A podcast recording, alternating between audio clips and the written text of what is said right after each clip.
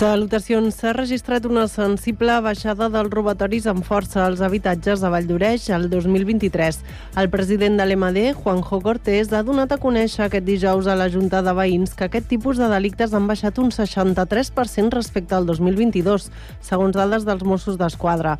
El balanç delinqüencial exposa que el territori ha passat de 54 a 20 robatoris, la meitat dels quals als barris de Montmany, Rossinyol i Marroig. Segons la comparativa de Mossos, és la dada més positiva dels últims 7 anys.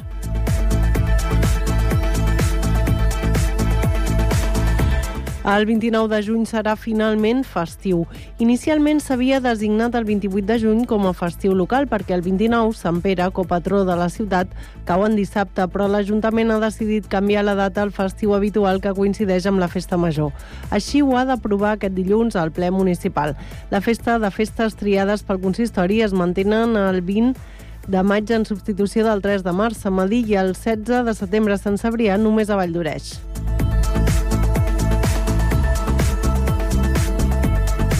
Els cinemes de Sant Cugat projectaran Mentre siguis tu, l'aquí i ara de Carme Elias, el documental de Clàudia Pinto, guanyador d'un Goya i d'un Gaudí sobre l'experiència de l'actriu catalana amb l'Alzheimer. La projecció, que anirà acompanyada d'un col·loqui, se celebrarà el dimecres 21 de febrer a dos quarts de vuit del vespre. L'Escola L'Olivera alerta del problema de seguretat que suposa la mobilitat al seu entorn, que plega uns 800 alumnes i les seves famílies per la coexistència a la mateixa zona de Bullpalleres amb l'Escola La Mirada. Des del centre i l'AFA demanen civisme a les famílies per evitar l'accés de vehicles motoritzats a la zona de vianants. La circulació i estacionament de cotxes ja ha provocat 3 o 4 ensurts en els últims mesos, fet pel qual reclamen a l'Ajuntament que reforci la seguretat en aquest entorn.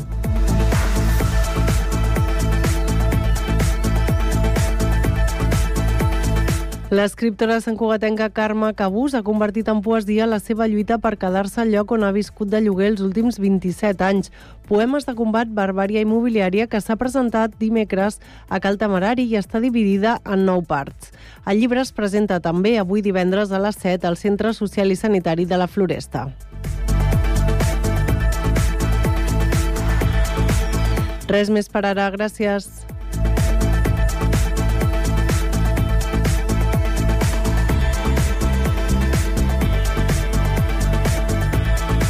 Cugat Mèdia, la informació de referència a Sant Cugat.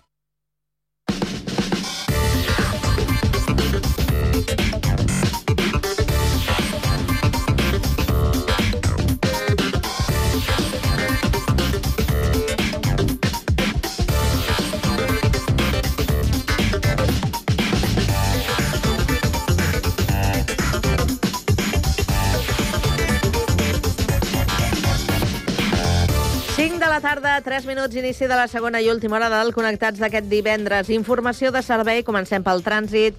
Marta Carbó, bona tarda. Hola, molt bona tarda. Doncs aquesta hora hem destacar un accident que hi ha a l'autopista AP7, abans d'arribar a Tarragona. Hi ha un carrer tallat en sentit sud, en sentit amposta, i provoca més de 4 quilòmetres de cua des de Riera de Gaià fins a aquest punt. A banda d'això, i pel que fa a l'àrea metropolitana de Barcelona, no parlem de grans problemes a aquesta hora de la tarda, sí que hi ha cues puntuals a les 58 d'entrada a Barcelona eh, des de Montcada fins al Nus de la Trinitat, també aturades puntuals a l'autopista P7 a Montornès en sentit sud, en sentit Martorell, i retencions a les rondes de la capital catalana. A la ronda de Dalt veiem aturades en sentit Trinitat entre la carretera d'Esplugues i Sant Gervasi, i a la ronda litoral veiem cues en sentit Trinitat a la zona portuària i en sentit Llobregat entre el Fòrum i la Barceloneta. De moment és tot de Català de Trànsit. Molt bona tarda. Gràcies i bona tarda. Anem ara fins al Transmeta. Ja hi tenim a l'Héctor Molina. Bona tarda. Doncs divendres seguim parlant de normalitat a la xarxa de transport públic de l'àrea metropolitana, on els principals operadors no han informat de cap incidència, així que tots els serveis funcionen segons els horaris i les freqüències APAS planificades. Recordem que la línia R4 a Rodalies estarà tallada entre Sant Vicenç de Calders i Vilafranca de Penedès fins al 16 d'agost. Aquest tall es produirà cada setmana de dilluns a divendres a les següents franges horàries, de 8 del matí a 7 de la tarda i de 2 quarts de 10 a 2 quarts d'11 de la nit. S'ha habilitat un servei alternatiu per carretera entre amb dues estacions. De moment, això és tot des del Transmet. Us seguirem informant.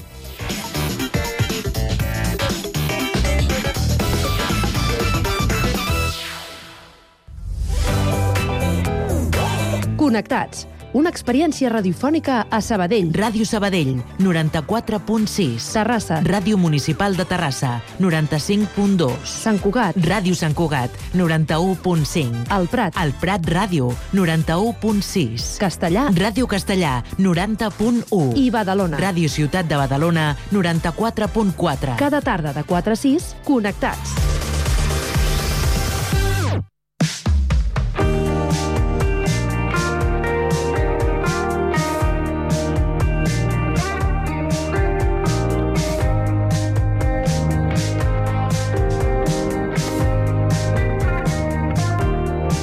El sabadellenc Xavi Ribas és un apassionat dels ral·lis. Al davant d'un 4x4 dedica les estones lliures a circular pels camins de terra, fins al punt que ha arribat a ser campió d'Espanya. I a Ràdio Sabadell volen parlar amb ell. Pau Duran, bona tarda. Bona tarda, doncs ja el tenim a l'estudi i moltes ganes de saber mm, les peripècies, perquè eh, reconec que és una cosa que a mi m'impressiona molt i per això em- m'agrada molt tenir una persona davant que m'ho pugui explicar. Xavi Ribas, benvingut. Hola, bona tarda. Moltes gràcies per, la, per la, convidar-me al programa i tal. Bueno, demanar disculpa perquè tinc la veu una, una miqueta agafada, però bueno, suposo que com la meitat de la població i tal. Però bueno, aquí estem pel que faci falta. Suposo que no et molesta per fer el que tu t'agrada. Com és això d'anar amb cotxe de ral·lis? Bueno, bé, és, home, és, per mi és molt divertit. Evidentment, suposo que hi haurà gent doncs, que no ho trobarà tant, però clar, per mi, com és la meva passió ja des de que era ben petit, pues divertit, no? Lo siguiente, divertidíssim, molt bé. Ben petit, de quina edat ens parles? Bueno, jo és que sempre, ma mare sempre ho diu, que jo sempre he jugat amb cotxets, o sigui, no em recorda amb una altra cosa que no siguin cotxes. I, és més, per exemple, a mi és que les motos ni m'agraden, o sigui, és que sóc absolutament 100% de, de cotxes, ja està. Sí, sempre, de, de tota la vida, no... Tots els records meus són sempre cotxes, cotxes, cotxes, o sigui que no hi ha hagut una altra cosa a la meva vida. I a la que et vas treure el carnet ja vas començar a provar de, de poder fer aquest tipus de, de cursa? No, uh, tot això va vindre més tard, perquè, per desgràcia, el món del motor és un món pues, que econòmicament és bastant car i tal, i quan un és jovenet pues, passen les coses que passen i tal, i no, no hi havia possibilitats i tal. Eh, és cert que jo, per exemple, amb el tema... Jo sóc més del món del 4x4, tot i que la velocitat m'encanta, però bueno, al final la vida m'ha muntat m'ha portat cap al món del 4x4 i bueno, jo m'hi m'hi trobo com a peix a l'aigua i els meus inicis pues, ja farà 20 anys i tal que vam començar i llavors cada any pràcticament he fet una carrera al desert o bé Tunísia, Marroc i tal i he fet tant de pilot com de copilot i bueno, m'hi trobo bé evidentment doncs, com tothom, no? suposo que a mi m'agrada més conduir, però bueno, al final la vida m'ha anat decantant com a copilot i tal doncs, bueno, doncs amb, aquesta, amb aquest rol que m'ha tocat jo encantat de la vida, cap problema Recordes la primera? Sí, la primera va ser molt bona, perquè la primera va ser el 2003 a Tunísia, amb una colla d'amics, i bueno, hi havia un que tenia el cotxe nou de trinca, tenia un Mitsubishi nou de trinca, que en aquell moment valia un dineral aquell cotxe, i ostres, que aquest no té cop i que tal i que qual. Me'n vaig anar amb ell i bueno, va ser un tip de riure. No vam ni acabar cap dels quatre cotxes que veníem d'aquí, de, anàvem de Catalunya, acabar cap dels quatre, però bueno, és que a vegades quan ens juntem encara riem ara, perquè va ser unes peripècies brutals, perquè que pràcticament no teníem experiència i tal, i va ser, va ser genial, va ser genial, un record molt maco. Clar, perquè quan fas aquestes coses, una part és la de la cursa, que ja em sembla impressionant, però l'altra és a saber a quina part del món estàs, no? Sí, sí, sí, sí, no, no. Mira, jo, per exemple, això que dius, no sé, jo me'n recordo el primer dia, eh, estava a Maduz, recordo que la primera etapa era a Tunísia, al sud de Tunísia, bueno, la porta del desert és Duz, i recordo que la primera etapa vam acabar a les 3 del matí, i jo volia tornar a casa. O sigui, dic, és que m'és igual, és que torno a casa, i em deia, no, però com has de tornar a casa? Dic, m'és igual. Dic, si, dic, jo he vist un aeroport venint, que hi havia un aeroport aquí a la vora i tal, diu, i, i diuen, és un aeroport militar, diu, bueno, és igual, pues que em portin a casa, és que me'n vaig i tal. I això va ser el primer dia, la meva primera experiència del primer dia, sí, va ser brutal, la primera sense dormir, bueno, horrorós, horrorós, però bueno, al final què passa? I és veritat, això per exemple al Dakar també passa, jo quan estic al Dakar, quan porto una setmana de 10 dies dic que no tornaré més, i cada any pues, hi torno, perquè quan ara mateix pues, ja fa tres setmanes que vaig tornar i ja hi tornaria una altra vegada. Enganxa, ja ho diuen, el desert enganxa i cert, el desert enganxa moltíssim. I què és el que t'enganxa, per exemple, del Dakar? Bueno, pues sobretot el que enganxa és... El Dakar és brutal per al, el desplegament tan gran que hi ha de gent i no sé, puc- és que entre participants i staff, no sé dir-t'ho, però jo crec que podem ser perfectament 2.500, 3.000 persones i tothom som mm, de la mateixa pell, o sigui, tothom som aficionats al motor, o sigui, ha tot, uns boixos del motor. Llavors això enganxa, enganxa moltíssim, moltíssim enganxa.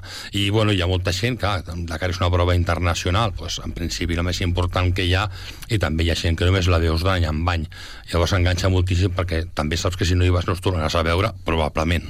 O sigui que hi ha una part de retrobament, no? Sí, evidentment, clar, perquè cada any vas fent més amics. A veure, jo en porto tres, tampoc són tants, eh, perquè hi ha gent que ha fet moltíssims Dakar, llavors portar tres Dakars tampoc és gaire cosa. Però clar, cada any vas coneguent més gent, més gent, més gent, i clar, és, és brutal, perquè vas afegint amics, vas afegint amics, és, és, és un sac d'amics que es va planant, es va planant. Escolta'm, tu vas amb cotxe clàssic, no? Sí, Com, correcte. com és això? Jo t'ho dic perquè no domino gaire. Vale, no, bueno, pues el, el Dakar Clàssic jo porto tres edicions, el Dakar Clàssic porta quatre edicions, llavors eh, jo en porto tres, vaig fer la segona, la tercera i la quarta, i bueno, el Dakar Clàssic del que es tracta és de, has de tenir un cotxe de més de 20, d'ara no t'ho sé dir ben bé, 20, 20 i alguna anys, ha de complir unes característiques, ha de ser un vehicle, no el vehicle en si, sinó que la marca i el model hagi corregut alguna edició del Dakar normal, per dir-ho així, i la prova no és velocitat, és de regularitat. Llavors hi han quatre, segons l'any del cotxe, pots apuntar-te a quatre velocitats diferents, i bueno, després evidentment hi ha una general scratch que és per tothom igual i tal, però es tracta tot de regularitat amb cotxe clàssic. I és, bueno, és, és molt divertit. Sí que és veritat que n'has de dominar una miqueta el tema de la regularitat, perquè si no vas una miqueta perdut. Però bueno, molta gent s'estrena cada any i ara que passen dos dies ja, ja ho controlen, ho dominen perfectament doncs com els que són més veteranos com jo. Una cosa és anar-se a divertir, Clar, l'altra és que tu, per exemple, eh, aquest 2023 vas guanyar el Campionat d'Espanya. Correcte. Aquí sí que ja es deu haver d'apretar una miqueta, no?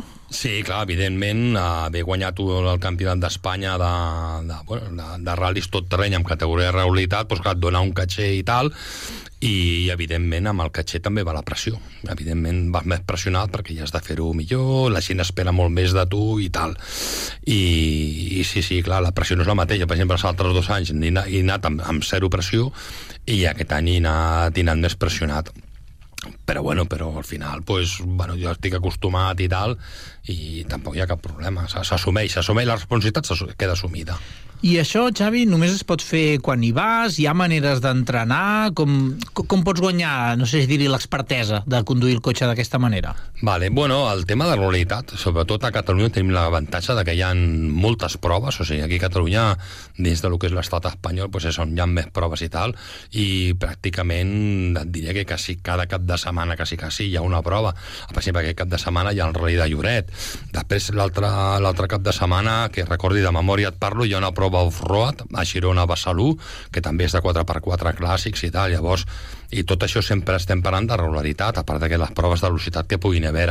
Aquí és molt fàcil, aquí sí que tenim l'avantatge la, la, de poder entrenar doncs, pràcticament quasi, quasi setmana a setmana. És, és, és molt senzill aquí. Hi ha proves d'asfalt, hi ha moltíssimes, i de fora d'asfalt només hi ha, la, hi ha una, que és la Copa Off-Road, eh, així de, la Copa Gironina Off-Road, només hi ha una, però bueno, a poc a poc s'hi van afegint i tal, i hi ha, hi ha bastanta facilitat aquí.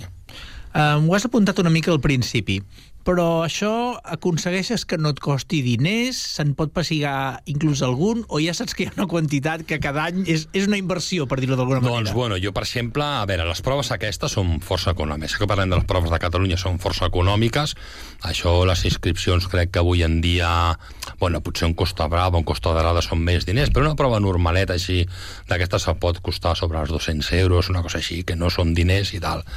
Eh, el campionat d'Espanya, per exemple, nosaltres l'any passat vam fer set proves i clar, entre que va tot està dispersa la geografia, desplaçament, això o l'altre, preparar una miqueta el cotxe, home, doncs nosaltres hem fet un pressupost potser d'entre 15 a 20.000 euros per fer-lo. I el tema del Dakar, aquest va una miqueta a part. Jo, per exemple, porto des, do, tres Dakars, el primer vaig pagar una quantitat, pues, jo com... És com un forfet, no?, perquè la gent diu, ostres, perquè sàpiguin qui és, que et conegui i tal, eh, bueno, l'any passat vaig anar amb el, amb el Miquel Martí, vaig ser el copilot de Miquel Martí de, de, de Movento, i, bueno, vaig fer una aportació simbòlica que pràcticament amb, patro, amb els patrocinadors la vaig poder, la vaig poder pagar, i aquest any, doncs res, o sigui, he anat, he anat gratis i tal. Inclús eh, podria haver, es pot anar cobrant, eh? O sigui, jo, home, jo, per exemple, amb un campionat d'Espanya que tinc a sobre, doncs inclús em podia plantejar el, el cobrar. Però, bueno, al final jo m'estimo més, doncs, bueno, doncs anar amb un equip que m'hi trobi bé, que, jo que sé, que, que, que estigui a gust, i sobretot que riguem, eh? Perquè al final has de riure sempre a la vida, eh? I que tu passis bé i tal, i, bueno, doncs si no s'ha de cobrar el cobra, perquè jo considero que una persona que està invertint i t'està pagant un Dakar, o sigui, és veritat que la butxaca no t'hi poses ni un duro, no? Però, home, ja està fotent una aportació econòmica molt important. I com ho combines amb les altres facetes de la teva vida? Bueno, jo tinc una petita empresa i tal, i llavors, doncs, bueno, a mi la veritat és que no em costa gaire, però sí que és veritat que, que ja no sol el Dakar, perquè el Dakar al final amb la broma són tres setmanes que estàs fora de casa. Llavors, clar, si tu tens un treball dependent d'algú, doncs clar, doncs, bueno, molta gent d'allà que jo conec, doncs, bueno, doncs les vacances de l'any les crema el Dakar, i aquí estàs cremat, o sigui, ja està, ja pràcticament no et queda res, i llavors, ostres, si tens família i tal, és molt difícil aconseguir family points, no? Després perquè et deixin anar fent coses i tal. I clar, si això l'afegeixes també, que jo, per exemple, doncs al setembre me'n vaig anar al Rally Clàssics Àfrica del Marroc i afegeixes les proves del Campionat d'Espanya, que sí que és veritat que és pues, cap de setmana, però clar, encara que sigui cap de setmana, normalment dijous, i per exemple a Extremadura vam haver de sortir dimecres, doncs et vas menjant dies laborables i tal. És complicadit, la veritat és que amb el tema, amb el tema laboral, si no tens un treball, jo què sé, o ets una miqueta freelance i tal, és complicat compaginar-ho, i a banda va la família, eh? això és un altre tema a banda. Aquest dia és, és un meló que, que avui no l'obrirem. Però, ja que dius això, el món de la parella, si hi ha, si hi ha comunicar-se a vegades té el seu què, comunicar-se una parella de pilots mentre esteu competint, bé, mm, bueno, ho hem vist a la tele, no? És, és, és sí, sí, increïble, no? A vegades és un codi que només enteneu vosaltres. Sí, sí, sí. Bueno, jo en principi no, no he tingut problema, eh? Jo amb tots... el- A veure, per exemple, amb el Campionat d'Espanya l'he fet amb una persona que som amics fa 30 anys i tal, que ens coneguem i tal, i corregut moltes vegades amb ell a Tunísia, a Marroc i tal, i no cap problema, però bueno, jo la veritat és que, no sé, jo m'adapto molt bé. Per exemple, l'any passat amb, amb, el Miquel Martí va haver-hi zero problemes, i aquest any amb el Llorenç Fluixà, amb l'equip LJS Racing Team de Mallorca, doncs, bueno, vam provar el Marroc i tal, ens ho vam passar bé, a més allà vam quedar segons, vam riure moltíssim i tal, i, bueno, i cap problema. La veritat és que jo bueno, m'adap, jo sé quin és el paper que em toca jugar i, bueno, i m'adap, jo a més, bueno, jo em considero una, jo t'he dit abans, si al final el que es tracta és de passar-t'ho bé i de riure, jo perquè per anar a patir doncs no tinc ganes d'anar a patir, ja no hi vaig, ja si tinc que anar a patir. Va, doncs, per acabar, digue'm una cançó que et digui alguna cosa especial i per què. Bueno, doncs una cançó, doncs em fas triar, em fas triar, és molt complicat. Jo pràcticament qualsevol del grup Queen ja em va bé, o sigui, és igual, bueno, pots posar el show must go on, no? Per allò que diu el show pot continuar, doncs, doncs té que ser així. Sí, sí, aquesta per sempre seria una que representa, no? Eh, I continuar, i sempre endavant, i lluitant, i, i ja està. Xavi, gràcies per venir connectats. A vosaltres per convidar-me. I que continuï el show. Esperem que sí. take it anymore.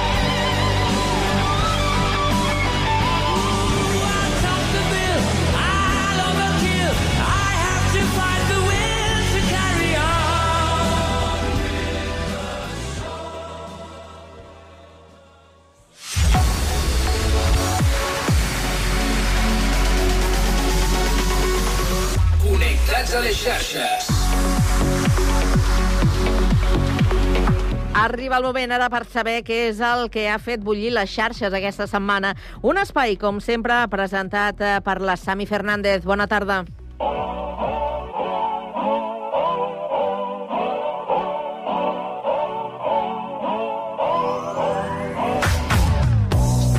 Bona tarda, Carme. Espero que hagueu passat una bona setmana.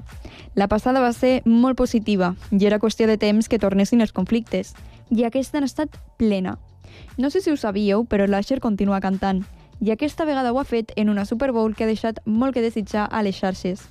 Qui sí tenia molts desitjos ha estat el de Gref, que ha hagut de baixar els preus de les entrades pel Ceslan. Però el personatge de la setmana ha estat el Pedro Sánchez, que ha tingut moltes coses a dir sobre Eurovisió. Som-hi! S'han celebrat als Estats Units la Super Bowl. I no sé si som seguidors del futbol americà, però és el nom que se li dona al partit final de la National Football League. Aquest cap de setmana, el Kansas City Chiefs s'emportava la victòria amb 25 contra 22 del San Francisco Niners. Va a buscar aquí ganar con un pase. Y esto, touchdown!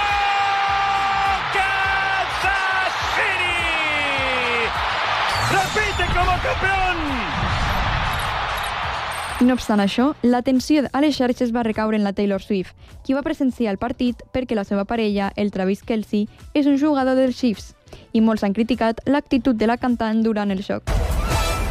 Like, oh God, so you you make me wanna say, oh,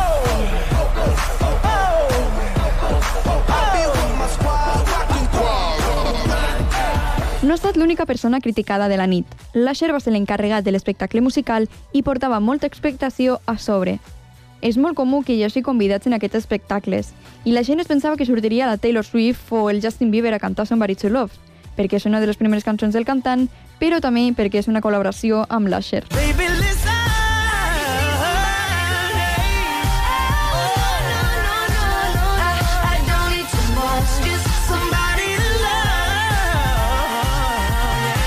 No obstant això, amb dos cantants es van quedar a les grades i l'Alicia Keys, will.i.am, Lil Jon, Her i Ludacris van acompanyar l'Asher en l'escenari. Some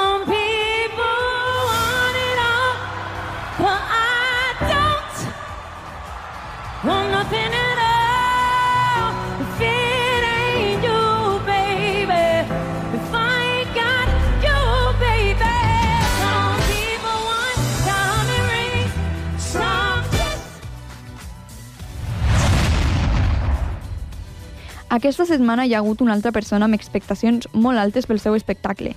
El de Gref ha baixat els preus de les entrades del Ceslan perquè no s'estaven venent. Hemos hecho una rebaja de antes que estaban a 50, 100 y 200 euros a 50, 60 y 70, porque queremos llenar el pabellón y entendemos que los Eslan, al ser en Andorra y ser un viernes, aquí no es tan fácil vender entradas como en México. L'espectacle es celebrarà avui, divendres 16 de febrer, una data que, per cert, el youtuber no tenia planejada. I s'esperava fer-ho demà, dissabte 17, però la Federació de Futbol Andorrana no li volia canviar la data perquè tenen un partit. Entonces, en vez de ser viernes y sábado, el evento finalmente es solo el viernes y en el mismo día estará la alfombra y la gala. En un mundo ideal hubiera molado no cambiarlo, pero no podemos depender del fútbol. A última hora nos estaban diciendo, oye, eh, quizás lo podemos cambiar, tal. Estamos a menos de dos semanas del evento, hay que gestionar muchas cosas y no podemos esperar más. Por eso, finalmente, los Eslan serán el viernes 16. Ya os digo, a mí me jode cambiarlo porque lo ideal es lo que anuncio en un primer momento, pero no puedo depender del fútbol. El youtuber ha estat criticat, ja que ha assegurat que el Principat no l'ha tractat bé i que vol un país que respecti els Eslan. Ojalá los Eslan no se llamaran Eslan y fueran los Eslatan, ¿vale? Para solo hacer los premios Eslan en España y en Latinoamérica. Porque organizar los premios en Andorra ha sido, creo, top cosas difíciles de mi vida y de la vida de mi equipo. Aquest no ha estat l'únic problema que ha envoltat l'ubicació del show. Les xarxes estan plenes de declaracions de youtubers assegurant que no aniran perquè està molt lluny, com el Juan Guarnizo. A ver, a- eh, un momento, si viene Perro le paro, ¿eh? A Perro Sánchez le paro. ¿Te ha gustado, ¿te ha gustado Sociedad de la Nieve? Hombre, me ha- no me ha gustado, me ha Me ha encantado. encantado. Es que eres un icono, Presi, que tenemos. ¡Wow! ¡Toma, para RTV Play! Aquesta ha estat la reacció de l'Inés Hernán, presentadora de Radio Televisió Espanyola, al veure el Pedro Sánchez als Goya. Reacció que no ha agradat a la corporació, que ha publicat un comunicat a Twitter afirmant que no todo vale. La presentadora resposta a les crítiques, dient que es dedica a l'entreteniment i que està complint amb la seva funció. Pel Pedro Sánchez, aquesta resposta no ha estat suficient, perquè ha sortit a defensar-la a Twitter amb el missatge El icono eres tu i un vídeo recopilació de tots els compliments als convidats que va realitzar Oye, l'Inés a guapo tú, eh, Fernando, que es un icono. Muchísimas gracias. Oh, Hoy mi marido me ha dicho, uy, te he visto que tienes canas. Que no, que vas a tener tu canas, tú eres un icono. Pues, eh, amiga, ahí al fotobón, a divertirse, a tomarte un vino, lo que quieras. O sea, eh, eres un icono, de verdad, es que vaya súper bien.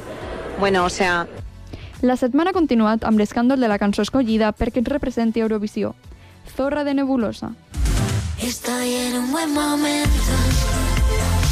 Solo era cuestión de tiempo.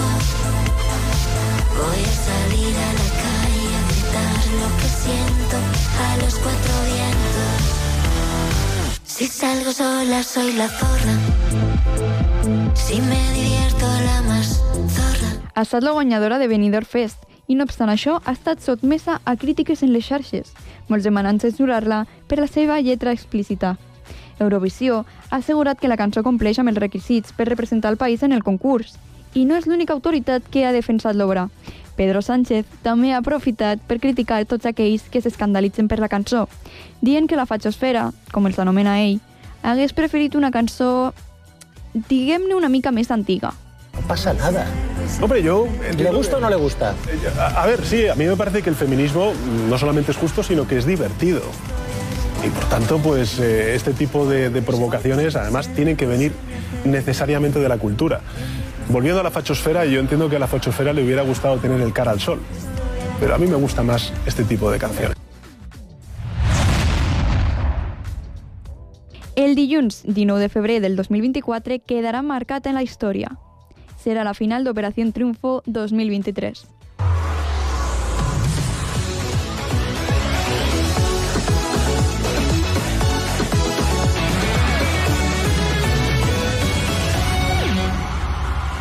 El jurat i el professorat van decidir fer finalistes al Martin i al Lucas, deixant el futur de la Ruslana i a la Bea en les mans del públic. Que la concursante que debe ser finalista de Operación Triunfo 2023 sea...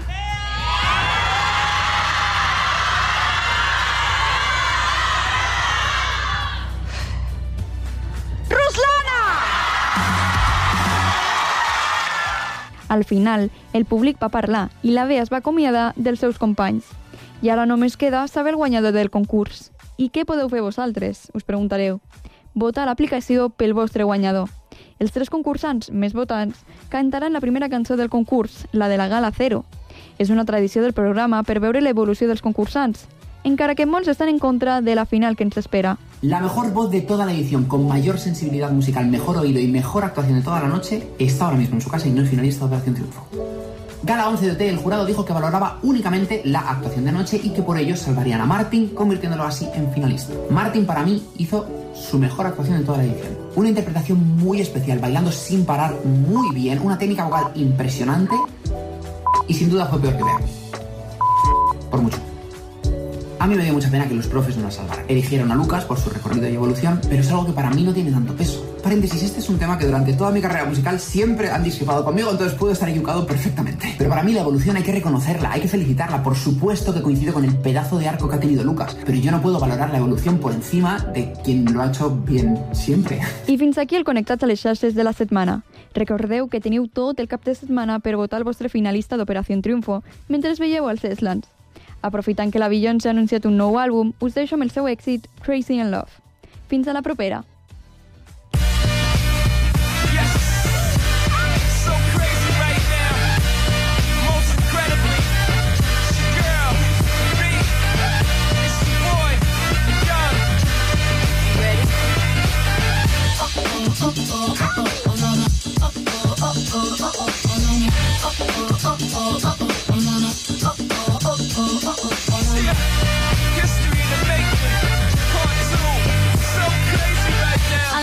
Right now. I look, I stare so deep in your eyes. I touch on you more and more every time. When you leave, I'm begging you not to go. Call your name two, three times in a row. Such a funny thing for me to try to explain. How I'm feeling and my pride is the one to blame. Yeah. Cause I know I don't understand just how your love can do it, no one else can. Got me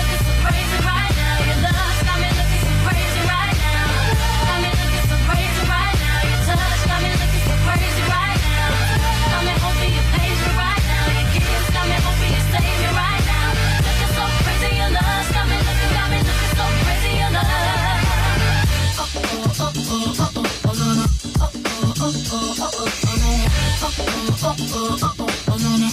Oh oh oh oh oh oh oh. When I talk to my friends oh, so quietly, who we think he is? Look at what you did to me. Tennis shoes don't even need to buy a new dress. If you ain't there, ain't nobody else to impress. It's the way that you know what I gotta know. It's the beat in my heart just when I'm with you. But I still don't understand just how you look and do I know what else can. Got me looking so crazy right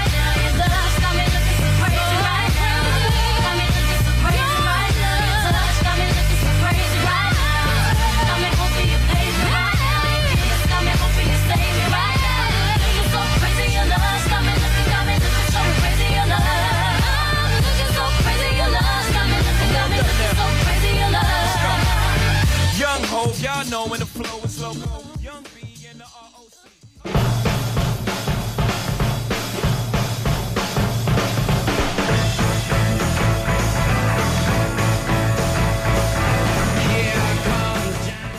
Com sempre, els divendres a aquesta hora és un bon moment per repassar les estrenes que trobarem a la cartellera cinematogràfica.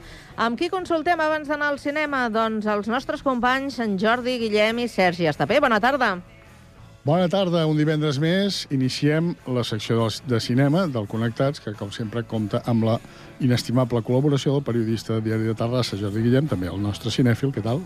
Què tal? Bona tarda, com estem? Comencem.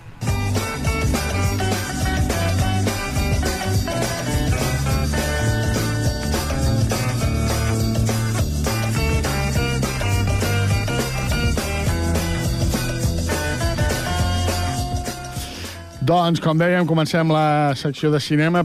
Hem de tenir en compte una cosa, Jordi, que no s'estrenen les pel·lícules avui, sinó que es van estrenar dimecres. Dimecres. I excepte una que s'estrena diumenge, ja ho comentarem després. Comencem perquè, curiosament, avui entre les cinc pel·lícules triades n'hi han dues que diríem que fan referència a cantants, no? Un, un més modest sí. i un molt més conegut. Començarem amb, Amb el modest. Coquemalla, amb la pel·lícula Buscando a Coque, amb Alexandra Jiménez i la i el- la- l'aparició d'Hugo Silva. De, de què va aquesta comèdia feta aquí a Espanya? És uh, una comèdia clàssica, eh, de manual, diguéssim. És un, la història d'una parella que és feliç fins que una nit ella se'n va al llit amb el Coquemalla, allò que es troben. Resulta que el Els que no ho Coquemalla... sàpiguen, el Coquemalla era el cantant de... La, els, digue de... Els Ronaldos, eren? Los, hòstia, ara... No, sí, crec que sí, crec que sí. Los Ronaldos, que ens Estem disculpin, eh, els fans de... És que són més de cine, Sí. doncs això, ella, la eh, Teresa, es diu, doncs es troba amb el Coquemalla i tenen un liu, i el que no sap ella, eh, ho sabrà després, és que el seu company, el César, és fan del Coquemalla. Llavors, tota la trama argumental d'aquesta comèdia se centra en en veure com s'ha de reaccionar doncs, quan la teva parella t'és infidel amb el, amb el teu gran ídol, no, diguéssim. Llavors, eh, què fan? Pues descobreixen que ell viu a Miami i se'n van cap a Miami a buscar-lo, en fi, aquelles comèdies de, de, de persecució d'alguna manera. Coquemalla surt a la pel·li, òbviament, si no, no seria És possible. cantant dels Ronaldos, eh? Sí, dels sí, sí, ja ho tenia clar, però m'ha entrat allò... Però ha fet una carrera en solitari escénico. important sí, i l'ha ha fet cinema també, ha fet eh, interpretat i ha dirigit alguna cosa. Una comedieta, en fi, crec que sense més, 90 minuts, Buscando a Coque, la teniu a les sales des de dimecres. La podeu anar a veure aquest cap de setmana, si teniu ganes. Escoltem, una, igual algú ja l'ha vist, escoltem una mica de Buscando a Coque. César, tengo que contarte una cosa. Me acosté con Coquemaya. No te podías haber acostado con un compañero de trabajo como hace todo el mundo. No, tú tenías que hacerlo a lo grande, con mi ídolo de toda la vida. Tengo que hablar con Coque. Me dijo que volvía mañana a Miami. The most uh, famous Spanish singer here in Miami. Julio Iglesias. Doncs aquest Buscando a Coque, amb el qual iniciem aquest repàs habitual a les 5, 5 de les pel·lícules que s'estrenen, i ens en, continuem aquí, no ens en anem, però ara amb un documental que es diu Sembrando Sueños. Què em pots dir de Sembrando Sueños? Que em sembla que surt Santiago Segura, si no m'equivoco. Sí, uh, surt Santiago Segura, surt uh, Arturo Pérez Reverte, surt José Mota i surt Alfonso Guerra, Ah, l'ex-vicepresident del govern. Només faltem tu i jo. Sí, exacte. És, un, és una pel·lícula curiosa perquè recupera el, la figura dels germans Álvarez Quintero, Sí. eh, que són populars eh, escriptors literats andalusos, de, nascuts fa eh, 150 anys. Eh? Van fer més de 200 obres, eh, gran part del teatre que es feia a Espanya fa uns anys eh, venia d'ells, van crear escola i, a banda de les obres teatrals que es van fer de, de les seves eh, peces, doncs també eh, es, es va fer una, més de 50 pel·lícules. No? Per tant, eh, Alfonso Sánchez, que és el director, ha decidit, amb la col·laboració d'Anna Graciani, la guionista, doncs, explorar aquesta, eh, aquesta història dels germans Álvarez Quintero i la influència que han tingut en les generacions posteriors. Doncs això és bàsicament aquest documental Sembrando Sueños. Anem amb pel·lis curtes avui, 75 minuts, per tant... Mhm. eh, veurem a quina sala s'estrena. Distribució dels documentals sabem que és complicada. Molt bé, doncs, eh, Sembrando Sueños, aquest documental que ens dona pas a una pel·lícula del gènere fantàstic, està feta als Estats Units i es diu Madame Web. No sé si va de coses d'internet. Eh, no, va de, de Spider-Man. És, de, Mm. és dels grups De aquests de, de la nissaga de Marvel, de que jo et vaig explicar un dia que ja he, he renunciat a saber si és la continuació d'aquella o la- o l'spin-off d'aquell, per tant, ho deixarem aquí. És la història d'una paramèdia, parametge, diguéssim, metgessa, Mhm. que viu a Manhattan, que la interpreta la Dakota Johnson, i que es veu que podria ser clarivident, té- habilitats d'aquestes adivinatòries. Es veu obligada a enfrontar-se a diversos successos eh, que han passat en el seu passat Mhm. i s'estableix una relació, coneix tres joves eh, que estan destinades a tenir un futur poderós, ja veus, tot eh, tema superherois, eh, si aconsegueixen sobreviure eh, al, a la seva, al seu present mortal, diguéssim. Surt a banda de Dakota Johnson, eh, Sidney Sweeney, Celeste O'Connor, Isabella Merced, en fi, actors de segona fila, per aquesta producció que suposo que els amants de Marvel doncs, eh, ja deuen tenir les entrades comprades, que suposo que deu estar inspirada en un personatge que surt de no sé quin còmic de no sé fa quants anys. Mhm. A mi m'interessa zero, a tu crec que igual. Sí, no, no. I dura 116 minuts i la teniu ja a les sales, com dèiem, des de fa un parell de dies. Per tant, si el vostre és els superherois, doncs endavant. A mi, eh, bueno, mm, és, com em passa amb el terror, no és un gènere que no, no em diu ni fu ni fa, no? Mm. Vull dir que no, no, no, no m'agrada, ja està, no passa No, res. no, escolta, cades, cadascú, lo- eh, cadascú lo seu. Va, escoltem per això una mica d'aquesta aquesta pel·lícula. Vinga. Bienvenida a la tierra de los vivos. No entiendo qué me está pasando. Estoy teniendo visiones. Sabía que iba a morir. Creo que veo el futuro. Cada vez hay más piratas en Nueva York.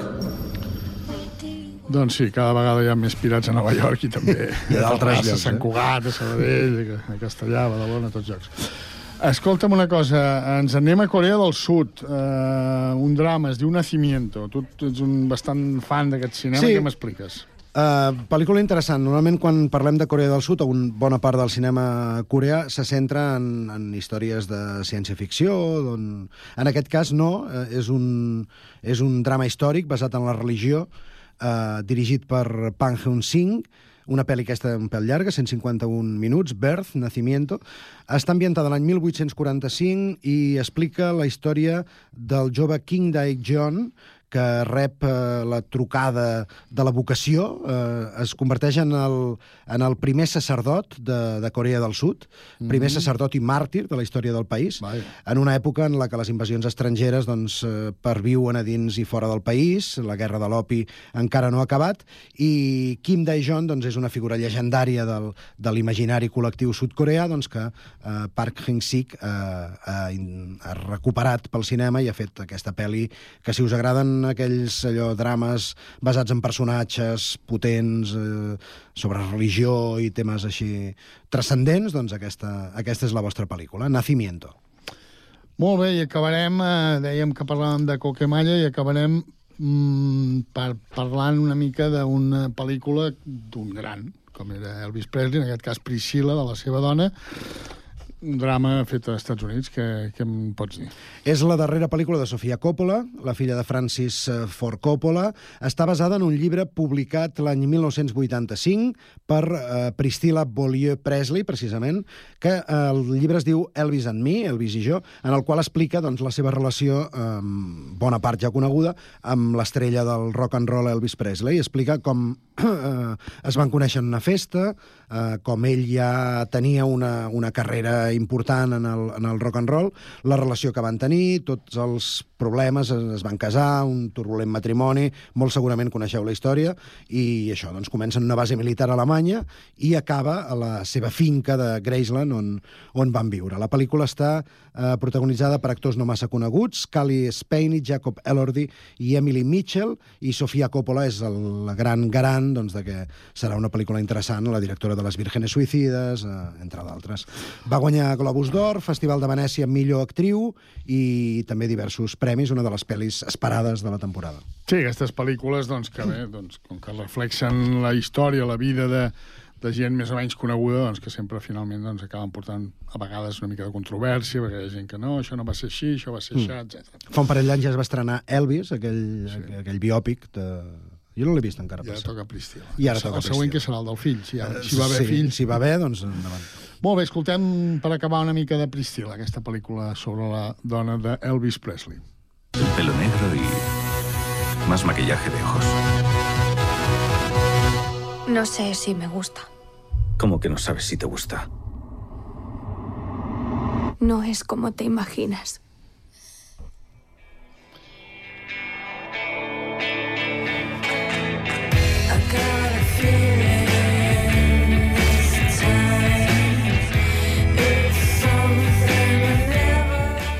Doncs aquest tros de Priscila, una altres de les pel·lícules que es va estrenar dimecres i que ja podeu veure als cinemes. També s'han estrenat una altra pel·lícula dedicada a un cantant famós, com va ser Bob Marley. La pel·lícula es diu Bob Marley, One Love. Aquesta és una de les seves cançons, aquella One Love. Eh? És un drama també fet als Estats Units, una pel·lícula d'animació xinesa que es diu Bunny Beer, Regreso a la Tierra, un documental de, fet aquí a Espanya que es diu Teràpia de Parejas i diumenge s'estrena una pel·lícula d'animació feta als Estats Units que es diu Soul. Bé, arribats a aquest punt, doncs hem de veure qui va guanyar la travessa que vam fer. Ningú, em sembla, I no? no vam guanyar cap dels dos. Vam estar bastant sembla- lamentables perquè vam Si fer... no m'equivoco, jo vaig encertar la pel·lícula, que era Sí. la, Sole, la Societat de la Nieve, i tu vas encertar l'actor, no? L'actor, era sí. El, David que jo també Verdaguer. el volia posar, eh? No, Mm. no és per allò, però... Vam quedar un a un, vam soc molt fan fer de quatre David categories. Verdaguer. Però bé, explica'ns una mica, va guanyar la Societat de la Nieve, va ser Sí. la gran guanyadora, no? Sí, sí. De- de- d'aquesta- Sorpresa per mi, perquè jo pensava que estaria més repartida la cosa. Després ho analitzes fredament i penses que la pel·lícula de Bayona, La Societat de la Nieve, és abrumadorament brutal i que és molt bona. També té molts mitjans, òbviament, però amb molt talent. Per tant, es van dur 12 dels 13 premis als quals estava nominada. Només va fallar en el, si es pot dir així, en la categoria de guió adaptat, eh, i la resta se'ls van dur tots, és a dir, va ser un, un festival. Va ser golejada. Ja sé, sí, sí, va ser el 13-1 de Malta, doncs una cosa així. 12, 12, 1. 12 1. Mira, 12 se'n van dur. Uh, millor pel·lícula uh, va ser La Sociedad de la Nieve. Direcció també va ser per uh, José Antonio, Juan Antonio Bayona, que recordem el dia 10 J. de març. Bayona, gent li diu, no? Sí, J, des de, des de que va començar se'l coneix com a J. Uh, millor actriu, Malena Alterio, perquè Nadie duerma. Me n'alegro molt perquè a mi és una pel·li que em sembla sensacional. Va, sorprenent, no? no o, sí, o no? bueno... Molta gent s'esperava... mm, No s'esperava hi havia, que- hi havia bastants dubtes. Laia Costa tenia opcions, Carolina Juste, totes més o menys. Maria Vázquez, Matri està molt bé. Patricia López Arnaiz. Malena Alterio tenia el, a favor el fet que no l'havia guanyat mai, que és una actriu argentino-espanyola, però que està molt implicada a la indústria, la germana d'Ernesto Alterio, filla d'Héctor Alterio, etc. I pel fet de que no l'havia guanyat mai, doncs eh, hi havia ganes de que, de que el guanyés. Evidentment, jo he vist la pel·li a, qui, a Que nadie duerma, una adaptació d'una novel·la de Juan José Millás, està esplèndida, fa un paper sensacional, una taxista eh, molt peculiar, i se'l mereix totalment. També se'l mereix David Verdaguer, que va guanyar per Saben aquell, la pel·lícula de, de. Eugenio, exacte, que us el Eugenio, recomano no? Si no l'heu vist. Uh, I llavors, el, pel que fa a millor actriu de repartiment, aquí hi ha Les abejas, em van endur el primer dels tres, uh, Anne Gavarain, la tieta, de 20.000 especies d'abejas. Uh, millor actor de repartiment, José Coronado, per cerrar los ojos, està molt bé a la pel·lícula de Víctor Erice, potser és de les millors coses d'una pel·li mm, que seria discutible en altres terrenys, però Coronado està sensacional. Uh, millor actriu revelació va ser Janet Novas per Ocorno, una pel·li que, que va guanyar el Festival de Sant Sebastià. Un d'Ocorno. Sí, jo, jo, jo crec que també. El Goya, la millor actriu revelació, perdó, actor revelació, aquest va ser una mica sorpresa, perquè se'l van dur Matías Recalt pel uh Mhm. -huh. personatge d'interpreta el narrador, de fet, de la Societat de la Nieve, un actor argentí. Aquí sí que hi havia altres opcions, Bria- Brian Aitor, hi havia aquell, els dos actors eh, de la Dani, la Dani i Omar Banana per Te estoy amando locamente, Uh, hi havia més opcions, però, en fi. Les abejas es van endur també el Goya Millor Direcció Novell per Estivaliz Urresola i el millor ori guió original, que també se'l va endur la mateixa cineasta basca que va estudiar a l'ESCAC. Vas el... veure, vas veure la... Vaig veure la gala, Una sí. mica xapes, no? Mica clar, la durada, eh? La durada va ser més llarga de l'habitual. Ens acostumem a trobar en 3 hores, aquí vam anar a les 3 hores 40, clar, és, és més que el que el viento se llevó, diguéssim. Uh, diguéssim que els Javis i Ana Belén ho van fer força bé, jo crec, ja han rebut crítiques, eh? han rebut Mhm. bastantes crítiques, depèn del que n'esperis. Si esperes una cosa molt original, és difícil que una gala dels Goya, dels Oscars, del que sigui, uh, sigui original, perquè mm, eh, al cap i a la fi està tot inventat, i bé, va tenir moments divertits, actuacions musicals, unes més ben posades que altres, Sí que és veritat que al final, quan s'entreguen els premis importants, clar, és, és la una i mitja de la nit, és molt tard. Escolta, en una fi. cosa, qui va guanyar la millor cançó? Millor cançó? Uh, mira, la millor cançó normalment són pel·lis que no, que no tenen massa... Uh, que no són massa con les principals, diguéssim. En aquest cas uh, van ser mm, una cantant catalana, barcelonina, Rigoberta Bandini, per una cançó que es diu Yo solo quiero amor, de la banda sonora de la pel·lícula Te estoy amando locamente. La sents? Sento, sento, començo a L'estem sentir. escoltant, estem escoltant aquest eh, Yo solo quiero amor, de la pel·lícula Te estoy amando locamente, de Rigoberta Bandini, que va guanyar el Goya a la millor cançó. I amb això marxarem. Sí. Sembla bé marxar amb Ho podem deixar, home, Rigoberta Bandini sempre és un plaer escoltar-la. Doncs marxem escoltant aquesta cançó, la que guanyadora a la gala aquesta que va ser una mica llarga, però que doncs, va deparar aquests resultats amb la Societat de la Nieve arrasant. Jordi, fins sí, la setmana senyor. vinent. Fins la setmana vinent. Bon cinema, sigueu feliços. Tengo ganas de no explicar por qué. Yo te quiero querer sin miedo a que puedan volver. Tengo ganas de saltar a tus pies, levantar el parque, contarle a Dios quién quiero ser. ¿A dónde van las cosas que yo quise un día estudiar? ¿A dónde van los sitios que quisimos visitar? ¿A dónde van las copas que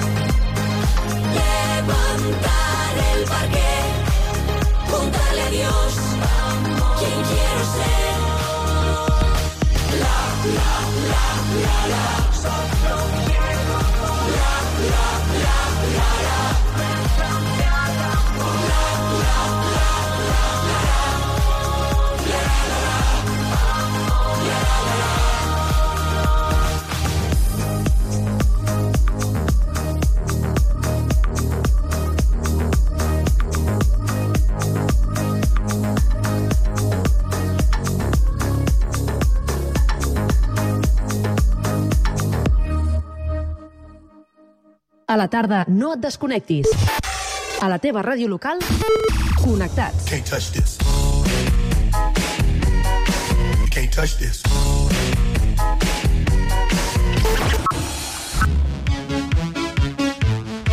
Can't touch this. Can't touch this. Connectats amb Carme Rebell.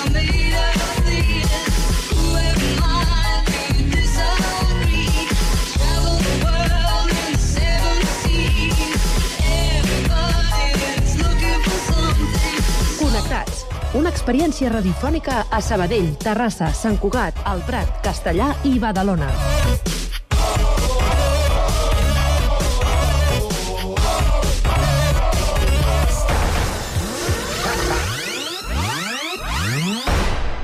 It's Friday then, it's Saturday, Sunday.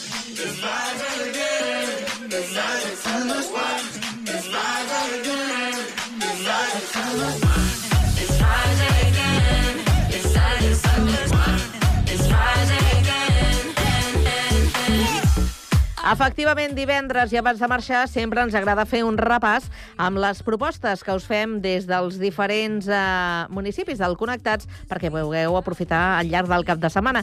I comencem amb les propostes de Terrassa. Sergi Estapé, bona tarda de nou. Bona tarda, Terrassa. Avui a les 8 del vespre i en el marc del cicle Jazz a prop, actuació d'Indio Blues al Centre Cívic Municipal President Macià.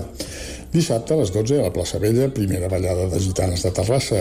I diumenge a les 11 al Centre de Documentació i Museu Tèxtil l'activitat viu en directe amb tresors amagats del museu, com i a on els guardem.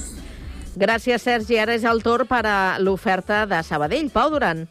Els Bats versió 6.0, fills dels membres originals, actuen a la Cava Urpí per continuar compartint el rock dels 60 que tocaven els seus pares. El concert serà aquest dissabte a les 9 de la nit i sonaran les seves cançons pròpies i també les versions que van fer de grups com The Kings, The Strokes, Beatles, Rolling Stones, Elvis Presley, Mustang, Brincos o Sirex. Gràcies, Pau. Anem ara fins al litoral, a Badalona. Quines propostes eh, teniu per al cap de setmana, Santiago Espasa? Bona tarda de nou, Carme. Doncs aquest cap de setmana comencem el dissabte amb un espectacle de màgia i humor al Teatre Margarida Xirgu a les 8 del vespre. I a aquesta mateixa hora, a la sala Estraperlo, tenim el Turbo Mambo Festival, on tocaran grups com The Lizards, Reanimator 666, Keloid Drop i Culo Culebra. I el diumenge a les 12 del migdia, el Teatre Margarida Xirgu també acollirà la projecció de la pel·lícula L'univers en miniatura de Nono, de Matthew Ubrer i Wassim Boutaleb. Gràcies, Santiago. Temps ara per al, al més destacat de l'agenda del Prat. Rocío Santa Eufèmia, bona tarda. Bona tarda. Aquest cap de setmana torna a la mierda, mucha mierda, de la mà del Teatre Cádiz, una peça de Maria José Ibáñez sobre cinc dones que coincideixen cada dia a l'abocador on remenen les escombraries com si fos un centre social on trobar-se a reflexionar de la vida. En total es faran dos passis, dissabte a les 8 del vespre i diumenge a les 6 de la tarda. Més coses perquè demà a les 10 de la nit torna a la capsa Sudor, Rammètrica, El Buc, Glory Six Bane, Neyor J i Sudor 100K. I diumenge és moment de teatre amb l'Ali Simón, dirigit per Sergi Belbel. L'espectacle arrencarà a les 6 de la tarda al Teatre L'Artesà. Gràcies, Rocío. Ara és el torn de Castellà del Vallès. Jaume Clapés, bona tarda. Des de Castellà us volem convidar al concert El Caliu de les Feliu. La Copla Ciutat de Girona ha recuperat la música de la mítica Núria Feliu a través de la veu d'un altre Feliu, la Mireia Feliu, i els arranjaments i direcció d'Esteve Molero. El concert serà a l'Auditori Municipal demà, dissabte 17 de febrer, a les 20 hores, i encara podeu aconseguir la vostra entrada a auditoricastellà.cat. Gràcies, Jaume. Abans de marxar el repàs al més destacat de l'agenda de Sant Cugat, Sami Fernández. Bona tarda. Bona tarda, Carme. Sant Cugat té un cap de setmana bastant ocupat. Avui, a les 8 del vespre, tindrà lloc al Teatre Auditori El Traje, de Juan Cabestany, un teatre en castellà a 28 euros d'entrada. Repassarà la corrupció política i la de l'ànima i ens presentarà com un moment pot canviar qui som. Demà, dissabte 17, es donarà pas a un mercat de segona mà des de les 10 del matí fins a les 3 de la tarda a la Rambla del Celler. És un espai obert per tothom, on es podrà intercanviar, regalar, vendre comprar, sempre amb els criteris de sostenibilitat de l'Ecoateneu. Reduir, reciclar, reutilitzar i repensar. I finalment, el diumenge 18 es podrà gaudir de, de música en família a les 6 de la tarda amb Baby Nova de Xiula. L'espectacle és per a tots els públics, amb un preu general de 15 euros al Teatre Auditori. So keep it playing.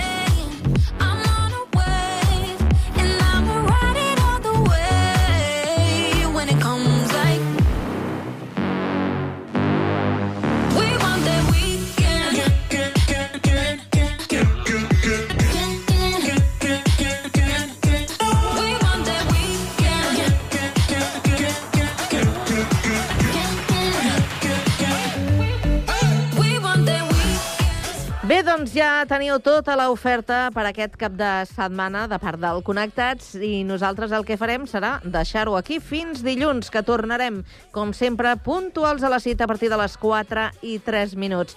Fins aleshores, que gaudiu del que queda de divendres i també del cap de setmana. Adéu-siau.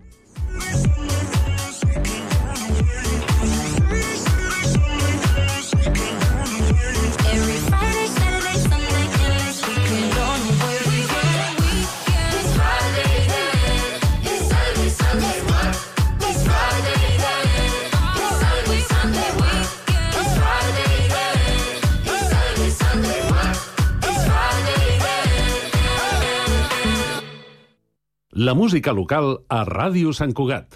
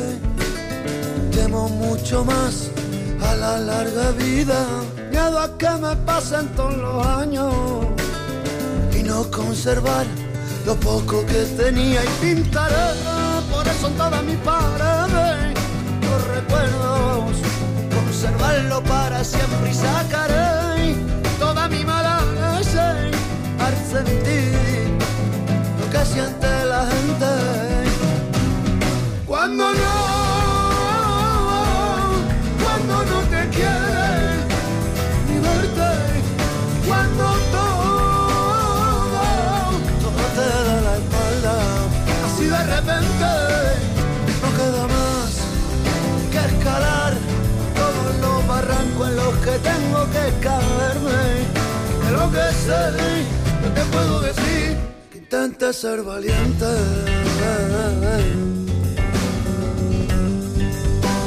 No te quedes atrás y vivirás. Ay, ay, ay.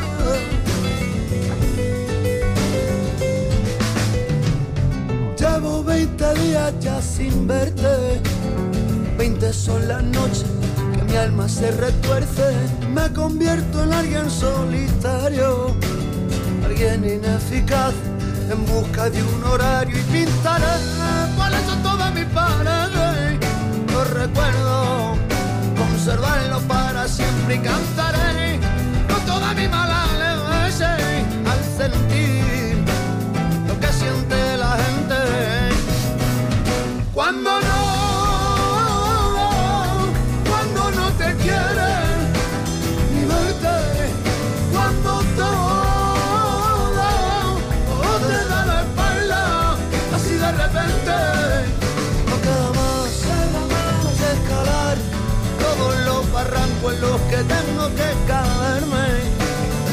sé te puedo decir, que intentes ser valiente.